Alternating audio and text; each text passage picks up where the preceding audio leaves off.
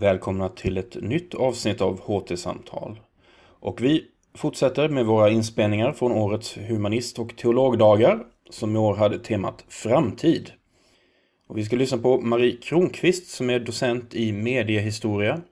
Hon ska prata om DDRs Radio Berlin International. Hur reagerade egentligen denna propagandakanal när muren föll och DDR upplöstes? Det ska vi få höra om nu. Tack så mycket. Mediehistoria finns faktiskt bara vid Lunds universitet i hela Sverige. Och det är vi väldigt stolta över. I mediehistoria eh, så är det en utgångspunkt att historien behövs för att förstå dagens medielandskap men också oss själva. Och inte minst kan mediehistoria då ofta handla om förväntningar av olika slag. Vilka förväntningar och förhoppningar har knutits till olika medier vid olika tidpunkter i historien. Och just därför passar ju årets tema för HT-dagarna oss mediehistoriker väldigt väl. Själv ska jag ta upp ett medium som inte för så länge sedan var mycket viktigt för global kommunikation men som idag är utkonkurrerat till stor del av eh, digitaliseringen och internet, nämligen kortvågsradio. Radiosändningar på kortvåg var otroligt betydelsefulla under stora delar av 1900-talet eftersom de kunde överbrygga stora avstånd. Och därför kunde den här teknologin användas eh, för utlandssändningar.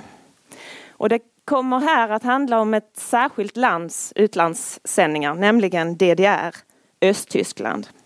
Det är ett land som inte längre finns, som bara har ett förflutet och ingen framtid.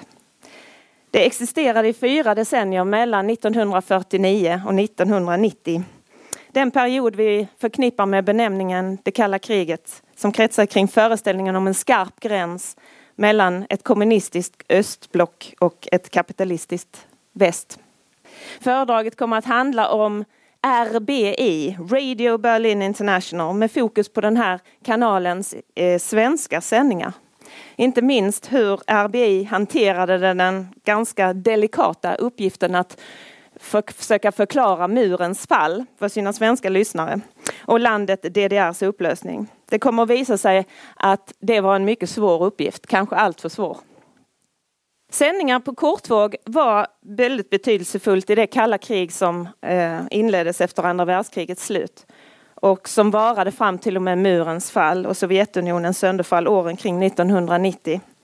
Om kalla kriget var mellan öst och väst ett idéernas krig så var radio och sedermera också tv självklart de främsta vapnen som användes. Medan tryckt propaganda fortfarande var beroende av eh, i stor utsträckning av marktransporter och eh, logistik så lämpade sig etermedierna av, eh, för budskap som kunde spridas till potentiellt miljontals mottagare på väldigt kort tid och till relativt eh, liten kostnad.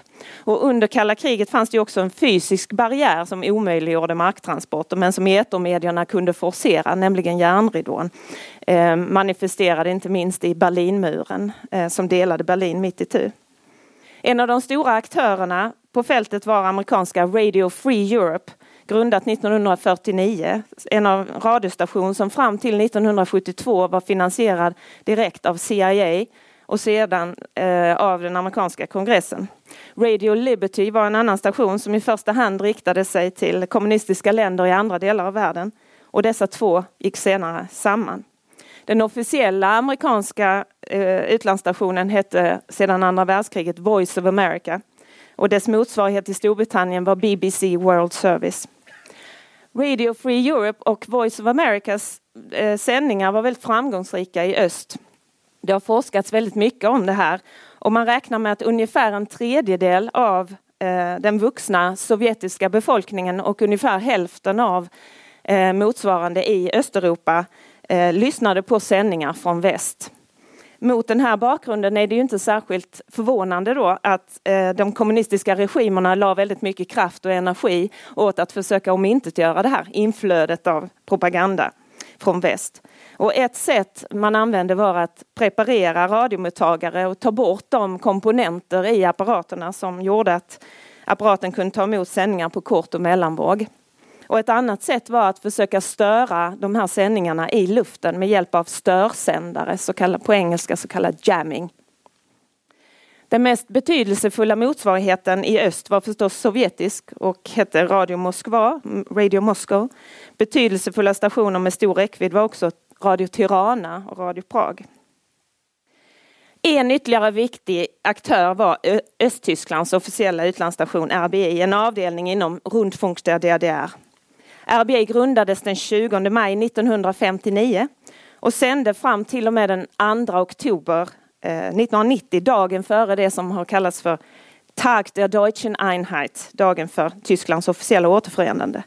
Och därefter tog det västtyska Deutsche Welle över de frekvenser som RBI sänt på.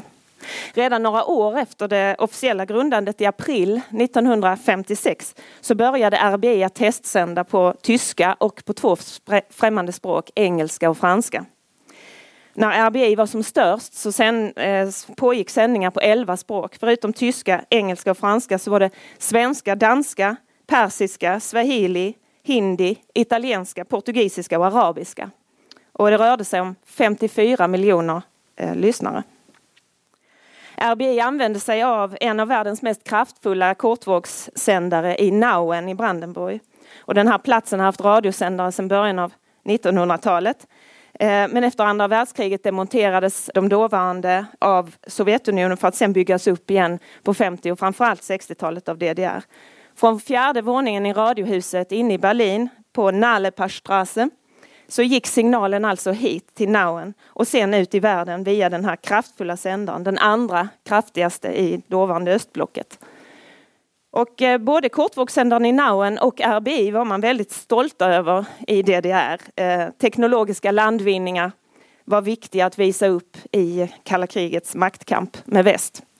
Och RBI eh, producerade också en ganska stor mängd tryckt material och fungerade därför i, i hög utsträckning som en statlig propagandainstans som hade kontakt med lyssnare i stora delar av världen. Och lyssnare kunde också skriva till RBI och få till sig tillsänt material, broschyrer, affischer och andra trycksaker.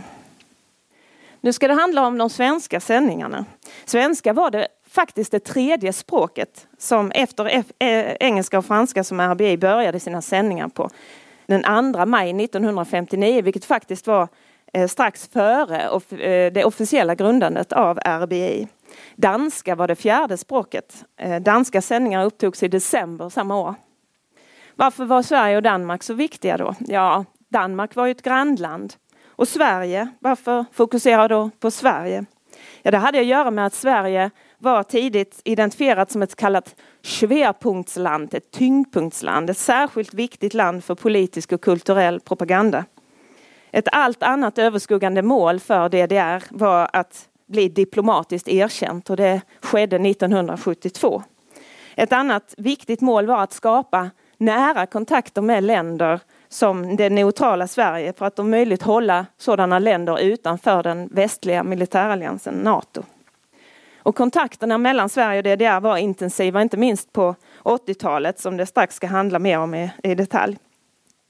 Kanske var kulmen på den svenska säga, vurmen för DDR som ett progressivt land det hjärtliga mötet mellan Olof Palme och Erich Honecker i Berlin 1984 eh, när Palme talade varmt om vänskap och samarbete och lite mindre, eller inte alls, om det omfattande förtryck som DDR eh, utsatt sin befolkning för.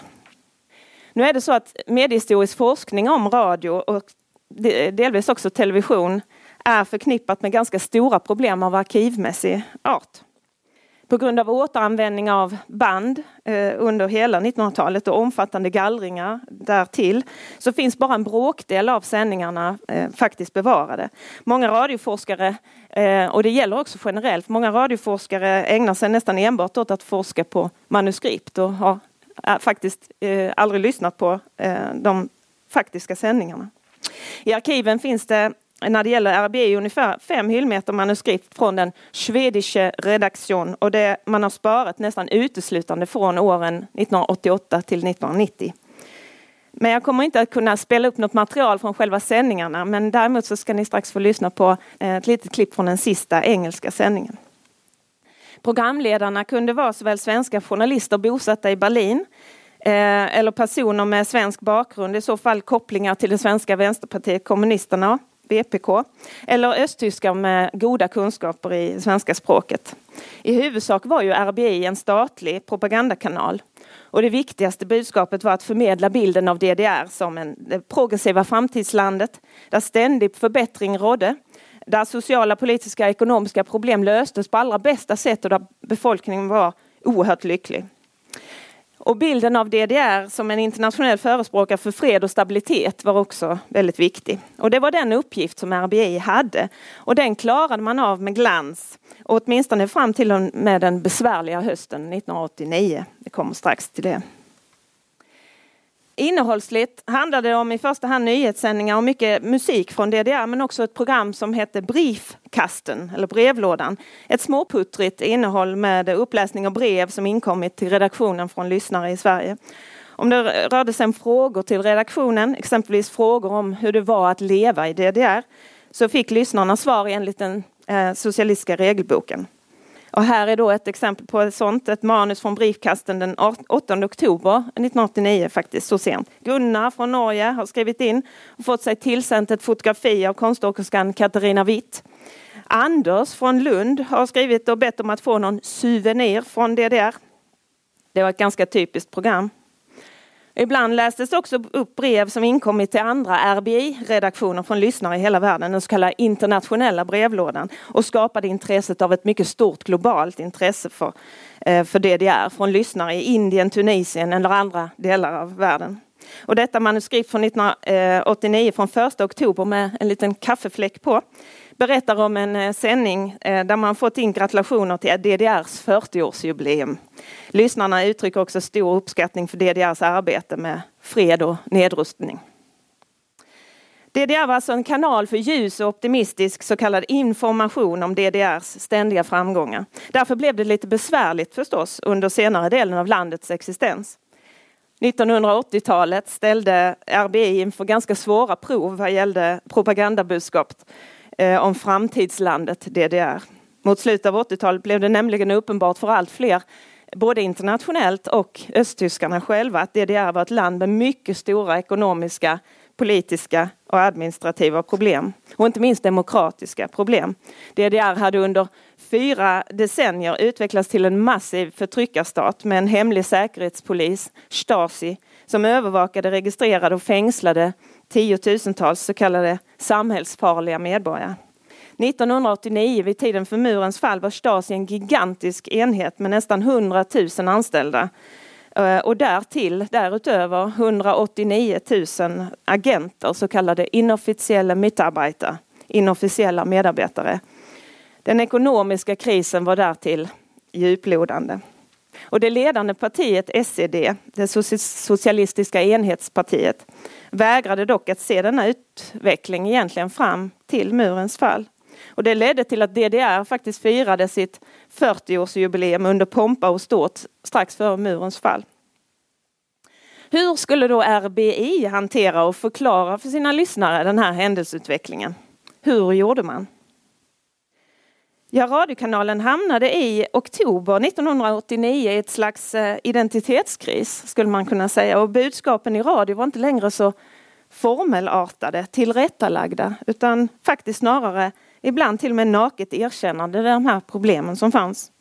Redan i oktober 1989 så synliggjordes kritiska perspektiv. Den 29 oktober lästes det upp ett starkt kritiskt brev från redaktionen från en Börje i Kungsbacka. Och Börje skriver så här. Strömmen av missnöjda DDR-medborgare intresserar tydligen hela världen men bekymrar tydligen inte DDRs ledning som fortsätter påstå att det inte existerar några problem och inga reformer behövs. Men varför inte fråga alla medborgare vad de tycker är fel i DDR? Jag hoppas att den attityd av arrogans och överlägsenhet som har präglat kommentarerna till flyktingproblemet i de svenska programmen, RBI-programmen alltså, ersätts av en mjukare inställning, ödmjukare inställning. Jag är helt säker på att det inom sinom tid kommer att ske stora förändringar i DDR, precis som sker i Sovjetunionen. Och det svaret han får av kommentatorerna i radio då eh, är att vad säger man när man har fått en sån rallarsving? Ja, vi håller med Börje eh, i det mesta av hans kritik. DDR har gjort en stor mänsklig, politisk och ekonomisk förlust. Det är ett öppet sår som kommer att göra ont mycket, mycket länge. Ett annat brev, eh, denna gång från en fransk lyssnare, läses upp. Och eh, han skriver att eh, jag har hittills hyst sympati för ert land. Framförallt på grund av ert antifascistiska förhållningssätt och för ett fredsengagemang. Jag har också beundrat era idrottares framgångar. Den senaste tidens utveckling var emellertid som en kalldusch för mig. Varför har ni RBI inte ens försökt förklara vad som har hänt? Utan bara iskallt och utan tvekan rådlöst tigit. Jag befarar att även andra lyssnare be beklagar att ni tigit. Detta har skadat er trovärdighet. Jag hoppas ni återigen kan bli mer realistiska. Och eh, svaret blir återigen, att hur ont det nu gör måste vi erkänna att denna kritik är berättigad. Ja, vad är nu detta för någonting att läsa upp i en kommunistisk propagandakanal? Hur är det ens möjligt för dem att läsa upp detta och bemöta det genom att hålla med? Tidigare program av Briefkasten eller brevlådan är så enahanda och skönmålande att det inte finns någon som helst anledning att tro att det är verkliga människor som har skrivit breven. Det är mindre självklart vad DDR skulle vinna på att sådana här brev läses upp internationellt och hålls med om. I aktualitetsprogrammen i RBI svenska sändningar ägnade man överlag händelseutvecklingen väldigt stor uppmärksamhet. Hur kunde detta hända? var en genomgående fråga. Det går att utskilja två linjer egentligen i RBIs rapportering under de här intensiva veckorna i november 1989. En analys från den 8 november så eh, beskriver man att eh, beskriver, man betonar allmänhetens berättigade krav på öppenhet, demokrati, politiska och ekonomiska reformer. Eh, att partiet måste återupprätta förtroendet på något sätt. RBIs analys var alltså att folket i DDR hade förts bakom ljuset. Man la hela skulden på det ledande partiet SED som misslyckats med att reformera landet. Det är svårt att tänka sig att detta skulle ha varit sanktionerat av partiledningen. Men kanske berodde det på detta tumult som rådde vid den här tiden under de här veckorna. En annan eh, linje i rapporteringen var helt enkelt sorg. Känslosamma och personligt hållna är de här introduktionsorden i sändningen den 9 november 1989 radiohallån heter Angelica och är svensk. Hon säger att lära sig respektera och förstå livets paradoxer är svårt och mödosamt men mycket nödvändigt. Dagens DDR är oerhört motsägelsefull, liksom alla andra länder i världen kanske jag ska tillägga. Å ena sidan är människorna som har beslutat sig för att stanna här mycket aktiva, energiska och även glada på ett sätt. De vill, de vill verkligen förändra skapa något nytt och eget. Å andra sidan är glädjen tudelad eftersom så många av deras landsmän inte längre har kraft och vilja att kämpa vidare längre utan istället väljer att söka lyckan i det förlovade landet på andra sidan gränsen. Självklart känns det oerhört tungt. Man räknar med att cirka 45 000 människor har lämnat DDR sedan gränsen till Tjeckoslovakien öppnades i fredags. Och hon fortsätter också med detta att man, det tycks som att man i tider av tumult önskar förmedla ett slags förtröstan och lugn. Hösten 1989 var DDR ett samhälle i djup kris, en kris som gick så djupt att landet gick under. Den process som följde den fick namnet Tysklands återförening, men det blev en återförening nästan helt och hållet på förbundsrepubliken Västtysklands villkor. Inte bara DDRs radiostation RBI svaldes av eh, det stora västtyska Deutsche Welle, utan de flesta andra medieinstitutioner, liksom små och stora företag i olika branscher, kulturorganisationer och mycket annat försvann. RBIs allra sista sändning på engelska präglades av melankoli men också av en viss galghumor och vi ska höra lite grann av det. Där kan man säga att hallåan börjar med att eh, konstatera att eh, Eh, this is RBI, the voice of the disappearing German Democratic Republic. And then the news. That newscast came to you from Radio Berlin International, the voice of the disappearing German Democratic Republic.